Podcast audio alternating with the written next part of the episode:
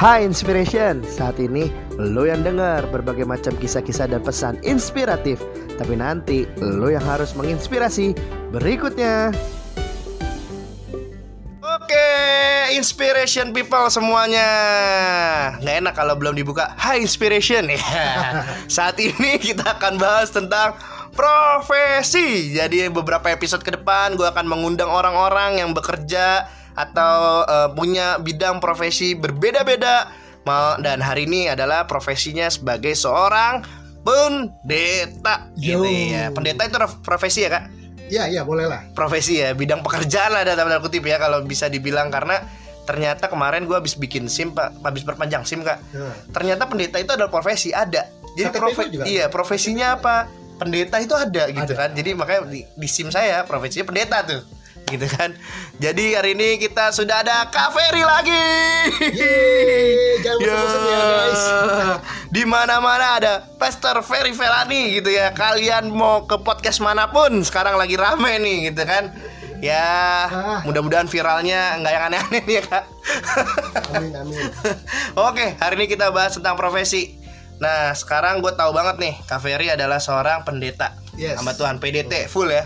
Yes. Full, bukan full, PDP, full, full. bukan evangelis, bukan apa gitu. Udah, udah naik Wih. PDT. PDT ya, PDT full ya. Yes, Karena yes, orang banyak yang nanya, mana mungkin sih orang masih muda udah jadi PDT gitu.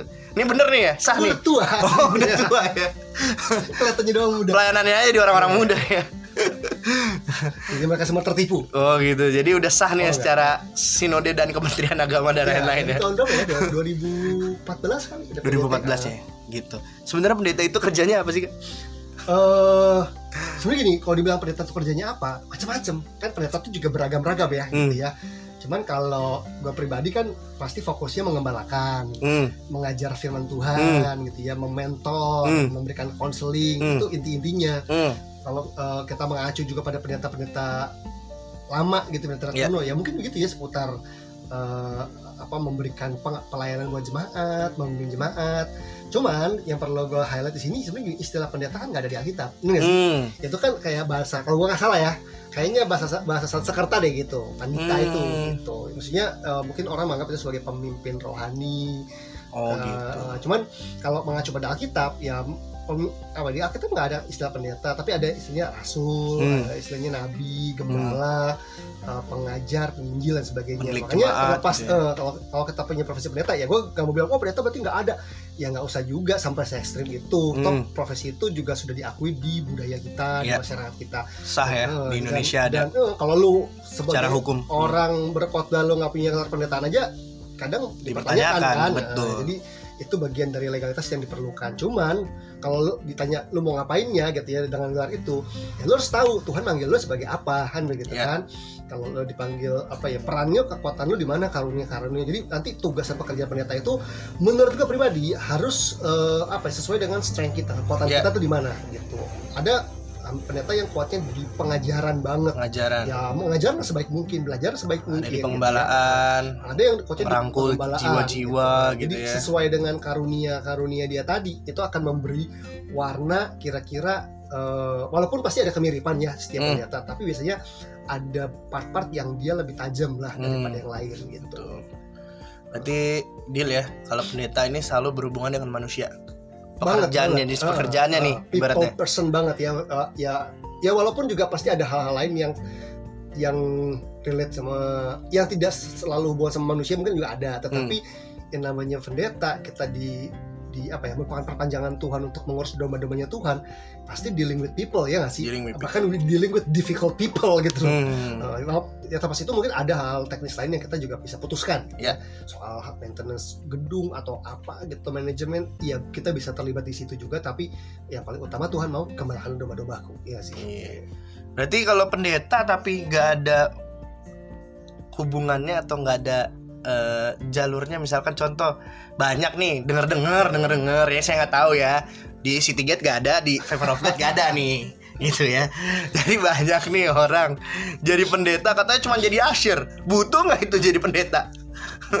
Itu dia gue pernah mendapati ada uh, gereja-gereja tertentu yang memajukan kan gini kalau gereja itu ini mungkin nggak semua sinode ya ada hmm. tertentu yang dia lebih mudah untuk memajukan seseorang yang direkomendasikan oleh pemimpin puncaknya mm -mm. untuk mem memiliki gelar pendataan. Mm. Ada yang uh, jenjangnya dari PDP, PDE mm -hmm. gitu ya. Nah, uh, gue percaya bahwa harusnya kalau orang itu dimajukan gitu ya, diajukan mm. untuk punya gelar tersebut, harus diberi peran dan fungsi orang mm. tersebut kira-kira capable nggak untuk mm. fungsi tertentu gitu ya. Mm. Nah, kalau ternyata setelah di diangkat jadi pendeta pembantu ya PDP atau PDM pendeta muda terus cuma disuruh jadi asyir doang bukannya nggak boleh gitu hmm. tapi kalau cuma itu doang apa perlu di PDP-in gitu ya uh. untuk jadi asyir gitu walaupun kalau udah jadi udah jadi pendeta pun kalau lu mau salaman kan masa ya nggak boleh gitu yeah. masa juga nggak mau kan juga nggak perlu yeah. cuman orang harus punya tujuan kenapa orang itu perlu dikasih jabatan ya nggak sih perlu yeah. dikasih gelar supaya punya fungsi yang jelas supaya orang tahu oh dia dikasih jabatan ini kan jabatan itu juga menentukan otoritas ya sih mm. otoritas pemenang tanggung jawab dan sebagainya jadi kalau itu tidak di tidak seimbang gitu ya jadi dikasih gelar tapi nggak ada tugas dan tanggung jawab yang sesuai ya sayang aja ya nggak sih mm. sayang aja nggak buat buat apa, apa gitu ya jadi dibilang dosa atau enggak ya mungkin nggak dosa sampai dosa moral ya tapi tidak ya kesia-siaan aja gitu. Kenapa tidak itu ada fungsinya. uh, kenapa itu nggak di keep dulu atau nanti dicari uh, kesempatan atau orangnya memang memang perlu gelar itu untuk tadi untuk sampai bisa mengajar uh, atau apa membackup fungsi dari gembala misalnya hmm. gitu ya.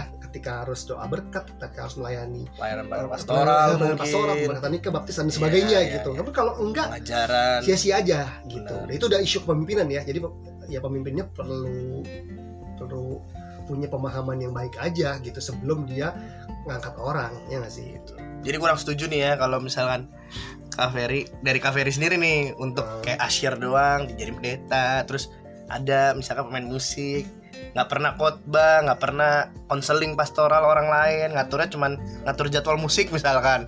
Main musik setiap minggu eh tentunya pendeta. Itu nggak perlu ya jadi sebenarnya? Aku nggak perlu sih. Nggak perlu ya? Sia-sia.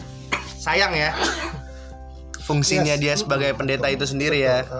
Karena kalau kayak dari uh, prolog awal kaferi mulai kan pendeta selalu identiknya pasti dengan hubungannya dengan manusia. Entah itu pengajaran entah itu pastoral entah itu yang lain-lain. Tapi selalu berhubungannya dengan touch bagaimana kehidupan jemaat lah ya. Iya. Perjemaatan jadi gitu. punya gelar pendetaan itu juga berarti punya otoritas di, di hadapan hmm. jemaat. Nah, nah perlu nggak itu? Kan kalau nggak perlu nanti yang terjadi takutnya bisa disalahgunakan. Salahgunakan. ya, nggak sih? Betul ya, lanjut. Yes yes yes. Pendeta profesi. Di mana mana kak. Di seluruh Indonesia nih yang saya tahu. Setiap hmm. profesi punya standar. Hmm. setuju ya? Yes. Seorang bisa menjadi seorang angkutan pajak misalkan. Pasti gelar sarjananya adalah sarjana akuntansi jurusan pajak nih. Hmm. ya saya, saya ada anak beberapa gitu akuntan. Saya kira mah akuntansi ya jurusan akuntansi sama semua ternyata ada spesialisasinya. Hmm. Wah kayak si A nih spesialisasinya eh, pajak hmm. si B spesialisasinya apa gitu nah ternyata kayak gitu-gitu nih termasuk saya nggak pernah lihat ada dokter otodidak hmm. maksudnya ya dia emang punya kapasitas dia suka baca buku oke okay, it's okay gitu ya suka baca buku tentang kedokteran misalkan hmm. tapi dokter dia tidak dia dimiliki secara gelar dan tanda kutip kesarjanaannya atau secara gelar akademik lah hmm. Di bawah dia adalah dokter. Pasti setiap dokter adalah lulusan dari fakultas atau universitas kedokteran. Hmm. setuju ya? Yes. Tapi kok pendeta banyak nih nggak lulusan teologi gimana? Ya, betul betul. Uh, kalau gereja-gereja zaman dulu gitu ya gereja-gereja yang lebih uh, lebih tua gitu kali tua asik ya. Tapi ada gereja-gereja yang memang mengharuskan uh, pen, uh, orang yang punya gelar pendetaan di sinodenya di organisasinya harus memiliki gelar pendetaan. Ya. tujuannya untuk uh, ya memastikan bahwa mereka tidak malah praktek ya nggak menyimpang hmm. punya pengetahuan yang baik walaupun ternyata gitu ya sekolah teologi nggak menjamin juga hmm. gitu kalau orang yang udah bakatnya nggak baik atau sifatnya nggak baik ya bisa menyimpang juga sesat juga ngaco juga bisa tapi ada orang-orang yang uh, tidak sekolah teologi ya gitu tidak menempuh pendidikan formal teologi atau sekolah kitab ternyata tapi karena rajin gitu ya karena hmm. sungguh-sungguh hmm bisa nggak punya pelayanan yang baik, kehidupan yang baik, pemahaman firman yang baik? Bisa ternyata ada juga. Hmm. Uh, tergantung sinodenya nih atau tergantung organisasinya. Kalau hmm. mengizinkan ya tentu pasti jauh lebih baik. Tapi yang jelas adalah jadi pendeta itu nggak mudah. Alkitab juga udah mengingatkan tuh ya, jangan di antara kamu bawa mau menjadi guru gitu ya di Yakobus pasal 3 ayat yang pertama ayat yang kedua nggak salah tuh Hmm. Eh, karena apa karena ada tuntutan gitu kita eh, iya jadi pendeta itu jadi hamba Tuhan itu ya itu pendeta ya itu kita kayak berbicara atas nama Tuhan. Nah, Hmm. itu nggak boleh main-main gitu. Harus Hmm. ada namanya sense of responsibility ada tanggung jawab di situ. Jangan sembarangan me- mengajar Alkitab tanpa pengetahuan pemahaman yang memahami. Jadi eh, yang yang yang memadai gitu.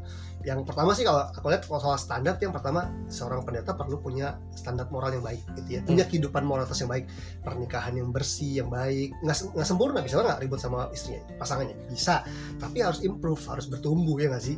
Eh, eh, soal apa ya gaya hidup yang lain-lain tuh soal eh, apa yang menjadi kontroversi di tengah dunia yang orang dunia anggap itu nggak nggak nggak ilok itu orang Jawa bilang nggak ilok itu ya nggak nggak pantas. Hmm. ya jangan dilakukan gitu. Karena Hmm. karena kamu, kamu pemimpin kamu tuh standarnya gitu. Kamu tuh orang yang bakal didengar oleh banyak orang. Jadi milikilah standar kehidupan moral yang baik karakter yang baik yang bisa dipercaya soal eh, keuangan yang punya kehidupan yang jujur dalam banyak hal itu udah pasti harus. Yang kedua pasti punya pengetahuan tentang kebenaran yang memadai terutama untuk hal-hal basic ya pengajaran-pengajaran dasar ya. Soal keselamatan soal, eh, Allah ketuhanan Yesus kemanusiaan Yesus gitu tentang Roh Kudus itu sebisa mungkin punya pemahaman yang eh, yang kuat yang solid.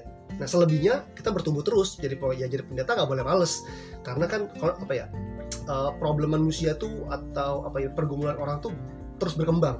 Jadi kita justru terus belajar supaya bisa menolong orang lain eh, untuk mengatasi masalahnya dalam konseling dalam pengajaran.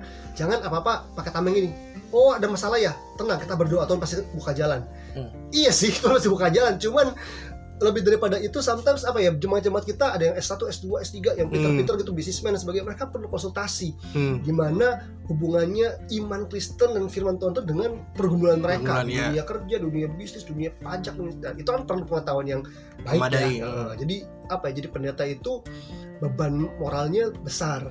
Kalau kita sadari ya karena Hmm. nasihat kita, arahan kita itu bisa membawa orang tuh tersesat bahkan binasa kalau sampai salah gitu ya Hmm. kecewa sama Tuhan meninggalkan Tuhan bisa tuh kalau sampai kita nggak bener Hmm. jadi untuk hidup mati seseorang juga kekalahan seseorang gitu Hmm. makanya jangan anggap remeh jangan apa ya cuman jadi yang penting followers gue banyak yang penting gue disukai banyak orang yang penting ini Hmm. bukan soal eh, apa ya kalau sekarang lagi viral di sosial media tuh hamba Tuhan punya sosmed Hmm. punya akun IG punya TikTok dan sebagainya Hmm. ya, kalau kita menyadari panggilan pendeta pendeta itu bukan cuma profesi profesi plus panggilan Tuhan yang Hmm. apa yang mena- yang yang menuntut sebuah tanggung jawab yang besar. Jadi apa pun yang kita kerjakan di sosial media kita, gitu ya, kalau kita pakai sosial media, kerjakan itu dengan bertanggung jawab, gitu, dengan sebaik mungkin untuk membawa orang pada kebenaran. Kalau hal itu kontroversi atau nggak jelas atau mudah disalahartikan, kalau gue sih lebih miri, udah lo mundur aja, eh, menjauh aja, gitu. Jangan berusaha masuk ke area yang buat orang mudah disalahpahami Hmm. kalau memang melalui sosial media lu sulit menjelaskannya secara Hmm. eh, clear ya nggak Iya. kan karena sekarang pendek-pendek ya Iya. TikTok Instagram itu sometimes posting itu pendek Iya benar. kalau itu nggak cukup waktunya atau Buat ngejelasin. ruangnya untuk menjelaskan secara baik Detail, ya. nggak usah mendingan gitu daripada Benar nanti jadi dengan salah eh, persepsi kan iya orang. sepotong sepotong penjelasan malah menyesatkan kan jadi sayang Iya. mungkin maksudnya nggak ke situ cuman again kemampuan komunikasi seorang juga terbatas terbatas ya sih Hmm. kemampuan orang menangkap, juga Menangkap benar. terbatas gitu. Jadi berpikirlah Menerjemahkan, panjang, ya. Eh, berpikirlah panjang karena kita sebagai pemimpin rohani, sebagai pendeta itu orang dengerin gitu. Hmm. Kalau itu sampai merusak image eh, pelayanan gereja bahkan Tuhan gitu kan, kan sayang gitu ya, sayang banget hanya karena hal-hal yang kontroversi dan nyeleneh yang kita eh, pakai hanya untuk mungkin mengundang supaya viral, supaya menarik followers kan sayang gitu. Gitu. Berarti sekali lagi nih, nanya lagi nih. Boleh, boleh, boleh. Jadi pendeta perlu sarjana teologi apa enggak menurut Kak Ferry nih? Menurut aku pribadi nggak harus. Enggak harus. Tapi kalau organisasi mengharuskan harus ikut ya, Iya, gitu ya. sesuai dengan Nah, tapi harus belajar. aturan yang ada ya. Tapi harus belajar. Harus rajin belajar. Termasuk Kalau- orang kalau misalkan- sarjana loh. Enggak ada misalkan enggak harus nih, enggak harus sarjana teologi misalkan. Hmm. Dasarnya dia bahwa dia dalam tanda kutip menguasai dasar ilmunya apa kak? Yang, yang pertama ya dia harus belajar, rajin belajar. Yang kedua dia, dia harus punya mentor. Nah, tugas mentor itu kan ngecek dong, ya nggak sih? Hmm. Untuk tahu sebenarnya pemahaman eh, orang yang saya mentor ini seperti apa. karena percuma juga gini orang punya sarjana teologi tapi dia nggak punya mentor di organisasinya untuk bisa ngecek pengajaran dia Hmm. Punya sarjana teologi juga nggak jaminan orang-orang yang tersesat itu juga banyak yang dokter teologi kok gitu Hmm. tapi ngawur-ngawur juga banyak gitu karena itu Hmm. soal ya kalau ditarik ya panjang ya ada soal masalah insecure juga di hatinya Hmm. soal kepahitan. Hmm. jadi kepintarannya jadi arahnya salah. Jadi sekolah teologi nggak menjamin. Karena aku dulu juga lulusan sekolah teologi banyak kok teman-teman yang nggak lulus atau lulus tapi hidupnya malah miring-miring juga ada gitu. Tetapi yang paling penting adalah bukan sekolah teologinya saja tetapi punya kehidupan yang baik yang bersih berintegritas gitu ya. Tapi tentunya jangan sampai malas belajar. Even sudah lulus sekolah teologi nih S1 S2 S3 jangan pernah berhenti belajar. Kalaupun kita nggak sampai mengenyam sekolah teologi gitu ya. Mungkin karena berbagai riset ya. Hmm. Tapi jangan berhenti belajar karena sumber-sumber tuh banyak kok sekarang. Ya. e-book uh, aplikasi-aplikasi uh, yang berhubungan sama teologi dictionary uh, apa sih terus ya alkitab-alkitab berbagai versi itu banyak.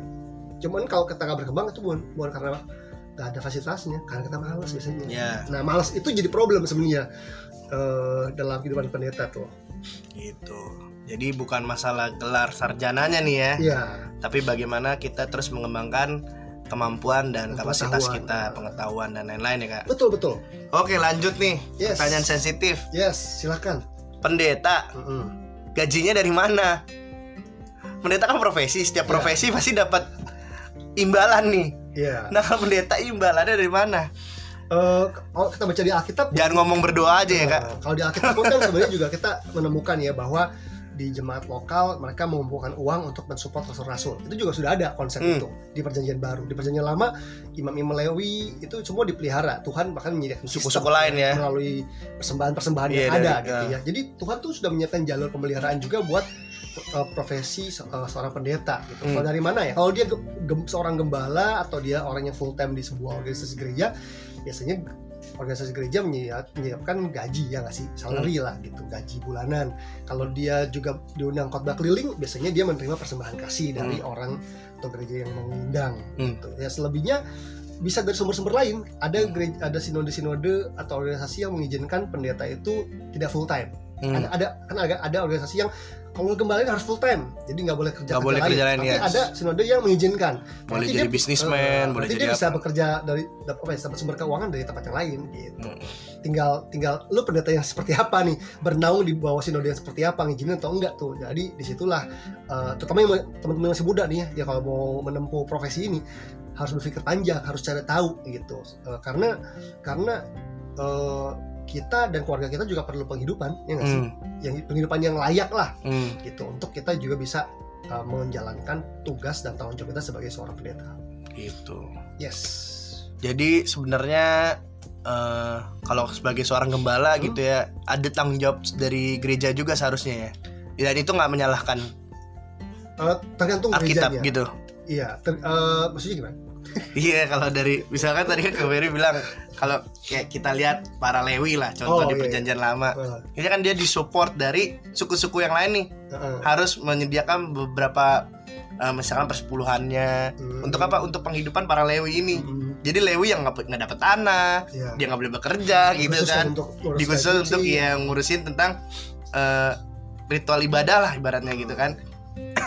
nah berarti kan penghidupan mereka kan dari eh, dalam tanda kutip ya bait Allah itu sendiri kan dan eh, para imam apa para jemaat-jemaat yang lain. Dan Hmm. perjanjian baru tadi Kak Ferry juga bilang kan bahwa emang ada eh, disebutkan juga bahwa jemaat ya harus bertanggung jawab dengan penghidupan dari pelayan-pelayan Tuhan ini gitu kan. Yes. Nah berarti secara eh, alkitabiah juga gereja menggaji gembala atau menggaji pendeta itu tidak bertentangan, tidak tidak bertentangan tidak masalah gitu. tidak kan tergantung eh, dalam setiap gereja tuh eh, bentuk organisasinya beda-beda kan ya. A- ada yang di atasnya gembala ada majelis gitu. Hmm, ada yang gembala sidang emang dia di puncak. Nah kan nanti cara menentukannya beda-beda gitu. Apakah nanti sistem penggajiannya penggajiannya atau pem- apa support finansial itu seperti apa hmm, bisa berbeda-beda tapi harus ada harus Hmm. support Hmm. terutama kali kalau gembalanya yang full time ya yang dia Hmm. nggak punya pekerjaan lain selain Hmm. eh, fokusnya mengajar dan mengembalakan jemaat Hmm. gitu ya tinggal gimana cara nentuinnya aja gitu gitu. Lanjut, yes masih bahas tentang seputar itu kak. siap Kalau di zaman dulu kesannya pendeta itu menderita. Eh, wow kalau jadi pendeta gitu kan saya banyak dengar cerita dari orang-orang yang udah senior pendeta-pendeta yang udah uh, umurnya agak tua gitu ya. Di mana dulu misalkan mau menikahkan orang anak anak anak orang lah ibaratnya menikahkan kan anak orang nih ya. Mm-hmm. anak gua mau dikasih makan apa gitu kan. Kesannya mau kasih makan batu wah. Kayak penderitaan adalah bagian dari seorang pendeta kesannya. Sedangkan sekarang kontradiktif nih kesan itu udah mulai hilang. Mm. tapi kesan yang orang lihat adalah kenapa lo jadi pendeta? Mau kaya lo ya?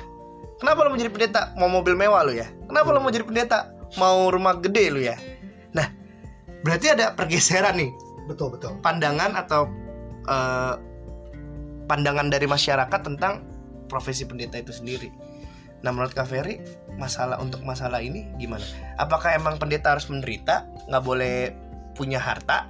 Ataukah ya pendeta boleh baja kayak raya serah dia suka-suka dia nah ini menurut Kak Ferry gimana Oke, okay, kalau bicara boleh apa apakah jadi pendeta harus menderita? Uh, eh, gue percaya kalau menurut Alkitab semua orang Kristen harus siap menderita bagi Yesus. ya, itu dulu ya. Semua orang Kristen ya. Harus saya harus di kan ada, bold ya. Kan itu panggilan untuk menderita. Uh. Ya. Karena apa? Karena melakukan firman Tuhan, yeah, ya, yeah. karena menjalankan doa Allah, kita bisa menderita dengan versi penderita masing-masing. Masing-masing. Gitu ya. Nah, memang kalau kita lihat uh, kemunculan peran pendeta gitu ya, memang uh, waktu apa ya seiring dengan sejarah kita menemukan bahwa profesi pendeta ini bukan profesi yang mudah gitu ya. Even dari zaman rasul-rasul pun mengalami pertentangan gitu ya karena iman mereka. Hmm. Terus eh, gereja-gereja juga ketika orang jadi pendeta hamba Tuhan banyak yang mengalami kekurangan. Ini gereja-gereja masa lalu ya gitu, hmm. terutama. Tapi uh, seingat nih sepengetahuan gue deh gitu ya. Uh, karena gue juga bertobat di era-era 90-an gitu ya. Hmm. Seingat gue tuh gereja tuh mulai kelihatan punya uang itu tahun-tahun 90-an. Gitu. Hmm. Kelihatan maksudnya dari dulu sih dia punya uang sebenarnya cuman lebih kelihatan apa megah, sih megah. Uh, uh, ya apa ya image pendeta tuh mulai bagi satu tahun 90-an. Yeah, yeah. Seiring mungkin trennya yang membawa itu ya gereja-gereja Amerika kali ya, gereja oh. Amerika, gembala-gembala, pendeta Amerika yang nulis buku, yang yang akhirnya diundang-undang khotbah Indonesia. Image itu pelan-pelan bergeser gitu. Bergeser ya terutama nih kalangan karismatik kali ya gitu ya hmm. lebih lebih kelihatan itu sehingga akhirnya pendeta tidak lagi dilihat sebagai profesi yang langsa gitu ya hmm. walaupun masih aja ada juga yang langsa gitu tapi tiba-tiba uh, image pendeta dan gereja itu bisa menjadi sesuatu yang megah hmm. gedung-gedung akustik yang bagus alat-alat hmm. musik yang keren mewah besar apa ya kostum-kostum yang gemerlap, yeah. ada artis, ada live recording gitu ya. Entertainment yang luar biasa. Nah, itu itu itu kalau menurut itu adalah bagian dari tren budaya. Tren budaya itu nggak bisa dijadikan patokan gitu ya. Hmm. Uh, uh, tidak selalu benar, tapi juga tidak selalu salah gitu. Hmm. Tapi ya kita perlu uh, gini menjadi kaya dan diberkati nggak salah karena kaya juga relatif ya nggak sih hmm. kaya itu juga relatif tapi kalau memperkaya diri dengan cara yang tidak benar tidak baik gitu hmm. gitu ya itu yang kita harus hindari sebagai hamba Tuhan. Mungkin ada hamba Tuhan yang misalnya gitu ya dia uh, emang ada karena pelayanan yang baik dia diberkati oleh jemaat. jemaat di luar gajinya dia. Hmm. terus dia hidupnya hemat hidupnya hmm. sederhana sehingga dia bisa mengelola keuangan dengan baik. Terus dia jadi punya banyak uang atau dia punya banyak aset why not boleh-boleh aja ya nggak sih hmm. boleh tapi kalau misalkan pendeta itu menjilat jemaat yang kaya hmm. ya, ya menjilat lu lewati manipulasi hmm. jemaatnya nggak benar dia uh, dia biarin aja tapi yang lain oh ya gitu ya hmm. anak, uh, hanya untuk dapetin support hanya untuk dikasih kasih uang itu yang nggak benar gitu hmm. itu yang nggak boleh jadi bukan masalah kaya atau tidaknya tapi gimana cara punya uangnya gitu hmm. kalau karena pelayanannya bagus jadi undang-undang khotbah dan dia juga di, di, diberkati persembahan kasih yang baik why not gitu? Asal tadi caranya benar dan jangan dipakai untuk diri sendiri juga. Harus ngerti Tuhan tuh mau apa sih dalam kehidupannya gitu ya. Uang itu kalaupun disimpan untuk apa gitu. Hmm. jadi di situ uh, seorang pendeta perlu punya sikap hati yang benar soal keuangan gitu. Hmm. jangan juga uh, jadi pelit dan apa menaruh rasa aman pada uang tapi juga jangan boros sehingga mereka selalu kekurangan uh, terus apa ya jadi nggak berintegritas karena uh, berharap ada ada manusia yang tolong, tolong mereka bantu. Gitu ya, dengan hmm. cara-cara hmm. yang manipulatif atau apa gitu hmm. mungkin itu kali Vin ya uh, ya sebenarnya uh, jadi pendeta tuh dilematis gitu ya. Jadi kalau ada anak muda yang bilang, "Kak, saya mau jadi pendeta." "Kak, saya mau sekolah teologi." Aku tuh nggak mudah bilang iya loh. Jadi hmm. yuk kita doain dulu. Kenapa? Gini, karena kalau lu kerja di sekuler atau lulusan kampus, ini ngomong sekuler lagi ya. Jadi ngomongin uh, kerja normal lah. Uh, iya, profesi lain, profesi lain. Uh, kuliah, kuliah yang di luar sekolah teologi ya sekolah akuntansi sekolah uh, ekonomi sarjana ekonomi gitu ya sarjana hmm. desain dan sebagainya lu akan lebih bisa cari uang maksudnya gini uh, lu akan lebih enak untuk tawar harga buka harga dan sebagainya yeah. dibanding kalau pendeta diundang khotbah uh, pakai tarif uh, pakai tarif Wah. gitu ya lu diundang pelayanannya susah gitu ya oh. tempatnya medanya dan sebagainya terus tahu dikasih cuman seadanya ya itu kan juga apa ya kita mau nawar juga nggak enak pasti nah. pasti nggak etis lah hmm. nah aku ini kalau pendetanya berada kecukupan mungkin nggak jadi masalah tapi ke, ke, gue harus akuin juga banyak teman-teman hamba Tuhan yang financialnya juga biasa aja. Hmm. jadi ketika harus dibawa ke tempat yang sulit terus dibayar seadanya juga dia juga kasihan gitu. Hmm. karena punya anak punya keluarga yang harus dirawat dan sebagainya. Jadi jadi pendeta itu dilematis gitu ya. Jadi di situlah orang harus nyiapin mental gitu ya. Ketika mungkin ada kalanya lo diberkati lebih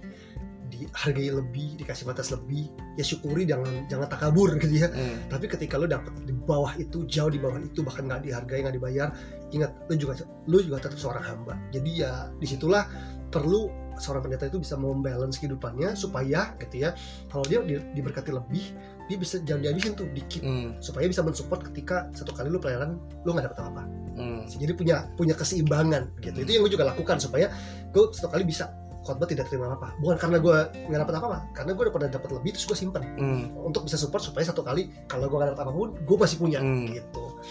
Nah itu yang perlu uh, gue rasa perlu. Jadi anak-anak muda yang mau jadi hamba Tuhan dipastiin itu panggilan dan lo harus siapin diri untuk hal tersebut. Karena kalau lo emang nggak dipanggil di situ gitu ya untuk full time ya lu kerja sekuler nggak apa-apa lu kerja di apa di di mana pun juga oke okay, tetap bisa melayani Tuhan dengan hmm. baik tetap bisa khotbah nggak ya kalau diizinkan karena kemampuan dan pengetahuan lo oke okay juga ya go ahead gitu hmm. tapi uh, tapi lo lebih enak karena lo punya gelar sarjana dari kampus umum ya buat lo untuk bisa mendapatkan penghasilan ya tawar menawar kan oke okay lah ya yeah. sih iya. gini kalau gue tiba-tiba jadi pendeta dapat uang satu m orang kan nanya dari mana tuh bang hmm. lo ngapain sih dapat segitu orang hmm. lebih curiga walaupun yeah. belum tentu salah tapi karena orang bisnis dapat satu m ya orang nggak kaget lah sama bisnisnya nggak sih hmm, hmm. kalau itu hitungnya masuk modal dan segala macam mau yeah. hasil segitu nggak puas satu m gue naik satu setengah m karena harga ini begini boleh nggak sesuai yang jualan hmm. nggak sih hmm. nah, itu lebih enak kamu jadi pendeta nggak gue suka dibayar sekian gue segini udah nggak enak udah udah nggak etis kan wah cinta yeah. uang dan sebagainya sebagainya hmm padahal sometimes anak-anak uh, keluarga juga perlu makan dan di situ ya gue tidak menyarankan ada hamba Tuhan yang tawar menawar juga sih gitu ya hmm. soal soal pelayanan tadi kalau di undang khotbah udah udah uh, itu persembahan kasih dikasih boleh terima nggak dikasih nggak boleh marah yeah. itu prinsipnya gitu aja hmm. tapi lo harus bisa ngatur uang dengan baik supaya tidak kekurangan gitu makanya harus pikir panjang nih karena juga ada hamba Tuhan yang gue nggak mau tergabung di mana-mana lepasan oke okay, hmm. dengan lepasan begitu lu bisa bertanggung jawab nggak ada orang yang bisa uh, untuk mempertanggungjawabkan hidup lu, hidup lu nggak ada penghasilan yang tetap yang bisa masuk ke keluarga lu nggak itu harus hmm. banget hmm. jangan dikit-dikit pakai dalilnya Tuhan hmm. Tuhan pasti cukupin Tuhan pasti betul hmm. gitu tapi uh, kita harus bertanggung jawab sebagai Betul. seorang apa ya seorang pemimpin seorang hamba Tuhan seorang pendeta jangan apa apa dilempar salahnya ke Tuhan ketika hmm. ternyata sebenarnya kita yang mismanagement hmm. kita yang nggak berpikir panjang kita yang nggak mengelola hidup kita dengan baik kira-kira gitu kali ya. Gitu ya. Gue setengah curhat atau enggak ya? Jadi emang profesi pendeta ini agak agak sebenarnya dilema sih ya kalau saya lihat nih. Karena apa ya? Satu gini tuntutan masyarakat tinggi terhadap profesi pendeta. Pasti ini ya hmm. secara moral pendeta tuh tuntutannya tinggi. Betul betul. Kalau pendeta contoh misalkan ini kita uh, di dunia yang biasa lah ya menggunakan mamon yang tidak jujur itu untuk mengikat persahabatan gitu ya dengan dunia gitu ya. Contoh ya kayak gini ngurus KTP bayar aja RT-nya biar hmm. cepet. Padahal ngurus sendiri juga bisa gratis betul, betul. gitu kan? Yang kayak gitu-gitu kan. Tapi giran kalau pendeta contoh misalkan yang kayak oke okay lah udah bayar aja ke dia gini. Wah kayak kesannya kok pendeta begitu ngelakuinnya segala macam tuntutan moralnya tinggi belum lagi jam kerjanya ada kak pendeta Full, enggak sih? 24 jam sehari ya. Orang bisa mau kosong jam 2 malam juga bisa. Jam kerjanya udah gak jelas nih pendeta. Contoh kalau CEO, CEO Tokopedia ya udah jam kantor. Selebih jam kantor belum tentu dia mau kerja, belum tentu. Nggak yang nggak tahu juga gitu ya. Ya, kalau misalkan contoh uh, dokter jam praktek jam 3 sampai 5 sore, terus ada lagi misalkan jam 7 sampai jam 9 malam, udah selesai jam praktek ya mereka nggak mau terima ya nggak salah mereka bener dong. Betul betul. Meskipun ada yang sakit datang jam 11 malam cuma dokternya udah nggak ada ya udah. Ya udah. Nggak bisa kan tapi kalau pendeta jam 11 malam ada yang kesurupan diteleponin ya kan? Harus standby. jam 11 malam jam 12 malam ada pendeta ada jemaat yang mau kak gua mau bunuh diri gitu kan? Ya, detik itu juga mau sigap bener ya? Betul betul. Tinggal pinter-pinternya kita sih sebagai pendeta ya. Hmm. ya yang pertama gimana kita uh, apa ya kita juga harus punya kemampuan delegasi hmm. uh, memperlengkapi orang lain dan delegasi supaya di dalam tim kita juga banyak orang-orang yang cakap hmm. dalam mengerjakan fungsi-fungsi seperti konseling mengajar mendoakan orang dan sebagainya supaya nggak semua problem bergantung sama kita yeah. itu yang pertama kan yang kedua ketika ada berbagai isu baik jemaat kita maupun jemaat orang lain yang hubungin kita untuk minta tolong uh, pendeta harus punya hikmat kapan hmm. dia harus bilang iya kapan dia bilang bilang enggak hmm. uh, dia juga harus uh, tahu apa yang harus yang urgent artinya sekarang gua harus turun atau ini nggak sekarang juga nggak apa-apa hmm. dua hari lagi kita turun juga boleh gitu kan atau ini gua oper lain juga nggak apa-apa gitu jadi sometimes kita harus tahu bahwa pendeta pun punya limit gitu ya. hmm. ya uh, gue pernah dengar dari salah seseorang uh, yang bilang ini di di luar negeri gue lupa di Amerika atau di Australia ada dua profesi yang paling stressful hmm. banyak orang tuh uh, apa uh, stres karena gara profesi ini satu pendeta dua kayak pengacara masalah hmm. eh, itu dua profesi yang paling stressful gitu ya, hmm. ya kasih beban stres berat gitu jadi ya menurut gua pinter-pinternya kita aja gitu ya yang jelas kita sebagai pemimpin juga harus punya kehidupan emosi yang sehat hmm. jangan nyimpan kepahitan jangan nyimpan apa sih hal-hal yang nggak baik di hati kita hmm. entah karena komentar orang lain karena apa pun itu bertumbuh dengan baik hmm. pilih pasangan hidup yang bener gitu hmm. gitu ya yang Penting bisa ya. memahami ya. kita mensupport kita mendoakan kita supaya juga nggak jadi beban jangan sampai salah pilih pasangan anak-anak dididik wah itu aja di, di dalam rumah lo udah pasti chaos nah terus di luar juga ada banyak-banyak pelayanan yang nuntut lu terus lu sendiri gak punya kemampuan kemampuan lu gak berkembang wah hmm. itu berat karena kalau kemampuan kita makin canggih gitu ya makin pinter harusnya kita ngerjain sesuatu lebih cepat gitu hmm. zaman gue baru awal khotbah di tahun-tahun 2004 untuk nyiapin satu draft khotbah gue satu bulan ngerjainnya hmm. Sekarang ya mungkin 20, 10 eh, menit aja udah jadi draft khotbah gitu hmm. bukan karena apa karena berkembang karena udah saking ter yeah. terbiasa terbiasa tiap saat nyiapin khotbah lama-lama even dalam 10 menit gue bisa ngerjain gitu walaupun kalau durasi lebih panjang pasti lebih baik lah gitu ya tapi uh, jadi hamba Tuhan harus berkembang harus bertumbuh terus supaya kita bisa overcome setiap challenge gitu ya setiap ya challenge tuntutan tanggung jawab yang ada dan jeli-jeli lah untuk menepis mana tuntutan yang memang itu gak sehat buat lo hmm. jadi nggak semua tuntutan nggak semua permintaan tuh harus yain hmm. dulu gue kayak gitu dan merasa bersalah kalau enggak kan gue pendeta kan gue harus baik sama semua orang dan itu akhirnya jadi burnout kan kalau hmm. semua kayak di, di Limpahin. ke gue hmm. terus gue mikir loh emangnya harus misalnya gini nih ada jemaat lain minta pemberkatan nikah sama gue hmm. dulu gue tolongin terus sampai satu titik apa iya harus jadi gue pilih gitu kalau memang tidak perlu tidak harus ya gue tolak baik-baik hmm. gitu eh, karena apa jelas uh, itu bukan cuma sedang apa ya bukan cuma berkatin pernikahan simpel gitu loh hmm. kita bertanggung sama konselingnya juga kan ya hmm. sih orang itu nggak tertanam di kita of course hmm. kita juga nggak terlalu kenal dia hmm. PR juga untuk kita mengenal dia jadi di situ gue jadi punya pertimbangan mana yang perlu gue iyain mana yang gue nggak perlu iyain hmm. ya, artinya gue akan oper ke orang lain atau rekomend orang lain kayak soal pemberkatan nikah ini ya uh, eh, gue nggak bilang gue selalu, selalu dulu gue selalu terima. Sekarang gue tidak selalu terima. Jadi selalu nolak. Nggak juga gitu. Biasanya gue lihat dulu gitu ya dari sisi waktu gue gimana orang ini siapa alasan dia apa segala waktu gue segala macam gue pertimbangkan gue doakan lalu gue decide. Dan kalau sampai gue bilang no gue tidak merasa bersalah gitu ya. Hmm. karena gue juga punya skala prioritas dong ya nggak sih? Hmm. pemimpin itu harus punya prioritas. Yeah. mana yang ring yang satu ini yang paling penting. Ring berikutnya apa? Jadi kalau itu ringnya udah ke bawah dan itu kalau dimasukin bisa ngerusak ring yang lain gitu kan hmm. ya jangan dong gitu. Yeah. itu jadi nggak efektif kalau secara kepemimpinan ya secara leadership ya. Gitu kira-kira. Gitu ya jadi terakhir nih uh, hamba Tuhan tuh emang paling unik ya pendeta itu paling unik ya. Karena ketika kita dituntutnya tinggi tapi ketika penghasilannya nggak bisa kita menuntut tinggi penghasilannya ya kayak tadi Kawiri bilang hmm. kalau diundang khotbah kita nentuin tarif pasti akan jadi masalah tuh. Rame tuh pasti viral tuh. Ini pendeta udah duniawi mata duitan apa segala macam tapi kalau ngundang motivator pembicara gitu ya di uh, kantor misalkan wah pembicara bisnis dia nentuin tarif. Dan makin mahal tarifnya berarti dia makin bagus bener kan? Hmm. berarti wow makin kita wih kita bisa ngundang dia nih 100 juta lo sejam. Wah bangga tapi kalau pendeta coba begitu. Ini pendeta nih 45 menit 100 juta lo wah dihujat warga seantero jagat dah tuh ya. Jadi emang profesi ini agak unik-unik ya kayak ya?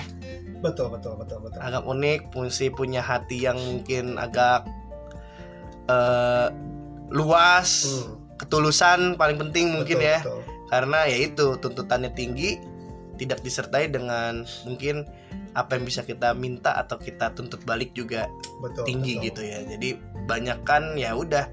Kalau kata firman Tuhan bekerjalah seperti untuk Tuhan gitu ya karena Tuhan lah yang akan mengupah gitu ya. Betul betul. Mungkin kalau dari gue ada empat hal kali ya. Empat hal nih. untuk untuk tips buat teman-teman hmm. pendeta yang uh, tadi merasa gitu aduh kok kadang-kadang gue jadi pendeta banyak bebannya tapi hmm. dikit dapatnya gitu. Uh, uh, seperti itu. Ini empat tips. Satu yang pertama adalah gini sebagai pendeta kembangkan maksimalkan kemampuan lo hmm. jangan jadi pendeta yang biasa-biasa kemampuannya hmm. kemampuan mengajar lo harus terus berkembang kemampuan konseling lo harus terus berkembang kemampuan lo mendoakan orang semua gitu ya jadilah hmm. hamba Tuhan yang punya skill tuh berkembang yeah. kemampuan menganalisa profiling apa pun hmm. yang lo bisa tambahkan di situ coaching tambahin terus gitu. Yeah. Ya. Uh, nanti lo akan lihat bahwa sering kali orang akan membayar lo sesuai dengan kemampuan. Mm. Gitu ya. Jadi kalau kemampuannya emang rendah ya nggak heran lo di, dikasihnya rendah terus mm. gitu hmm. ya. ya. Satu itu tingkatin kemampuan. Yang kedua adalah hiduplah sederhana, hiduplah di bawah kemampuan. Mm. Itu penting banget. Hanya karena lo mampu beli mobil 1 m, hmm. belum tentu lu perlu beli mobil 1 m. Ya. Jadi kalau lu mampu beli, beli mobil 1 m, lu bisa pilih di bawahnya ya, belilah mobil yang pokoknya di bawahnya inti itu cuma contoh intinya adalah selalu hiduplah di bawah di hmm. bawah hmm. kemampuan lo hmm. itu akan jauh lebih baik gitu hmm. akan membuat lo nggak punya beban finansial yang membuat lo satu kali mengorbanin integritas yeah. yang ngejar-ngejar pelayanan mohon-mohon kompromi itu akan terhindar hmm. kalau itu itu sesuatu yang pernah dirasain sama gue dan gue berusaha untuk hidup tuh ya lakukan itulah gitu. jadi nggak punya beban finansial yang berat yang ketiga adalah milikilah iman pada Tuhan. Pertanyaan hmm. kalau lo emang lo dipanggil sama Tuhan, hmm. lo tahu banget panggilan lo, Tuhan pasti pelihara. Hmm. Tanpa mengabaikan dua yang awal ya gitu ya. Hmm. Yang ketiga adalah jadilah hamba Tuhan yang sepinter-pinternya lo, setegas-tegasnya lo sama prinsip lo, fleksibel lah dalam bangun hubungan. Bertemanlah hmm. dengan sebanyak mungkin orang uh, hamba Tuhan yang ber, apa berbeda track bahkan gitu ya, berbeda sinode dan hmm. sebagainya. Luas lah hubungannya. Kadang-kadang yang mem membuat kita nggak punya tanda kutip berkat lebih ada berkat lebih bukan karena Tuhan nggak berkatin kita hmm. jangan-jangan kadang-kadang itu kita kemampuannya rendah gitu ya, kita hidupnya boros hmm. terus udah nggak punya iman lagi dari manusia plus musuhnya kan, banyak nggak punya nggak punya temen dikit nggak cocok dimusuhin dikit uh. ya nggak ada orang yang cocok 100% sama kita lah hmm. even tuh pasangan kita yeah. di, di rumah tapi belajarlah untuk tidak setuju dan tidak sepakat tapi tetap bisa merangkul dan mengasihi menerima gitu kan yeah. dengan begitu kita akan punya hubungan baik dengan banyak orang uh, ya itu akan menolong kita lah menurut gua tuh empat hal ini penting banget untuk oh. seorang pendeta tuh bisa kerjakan Oke, mantep banget hari ini buat teman-teman yang mungkin lagi bergumul tentang panggilannya menjadi pendeta gitu ya. Semoga hari ini tercerahkan. Atau buat teman-teman yang punya pandangan-pandangan miring atau pandangan-pandangan yang kurang benar tentang pendeta juga supaya mudah-mudahan mendengarkan podcast ini kalian jadi tahu bagaimana bebannya pendeta, bagaimana pendeta itu hidup dan lain-lainnya gitu ya. yes. ya jadi bukan cuma yang mau jadi pendeta tapi bisa buat semua orang yang pengen tahu nih sebenarnya itu pendeta ngapain pergumulannya apa segala macam. Semoga terjawabkan hari ini gitu ya. Thank you banget kak Ferry. Sama, sekali lagi sama-sama. gitu ya udah berkali-kali sekali lagi nih gitu kan. Thank you banget sekali lagi dan thank you buat semua teman-teman yang sudah mendengarkan podcast inspirasi. God bless, God bless.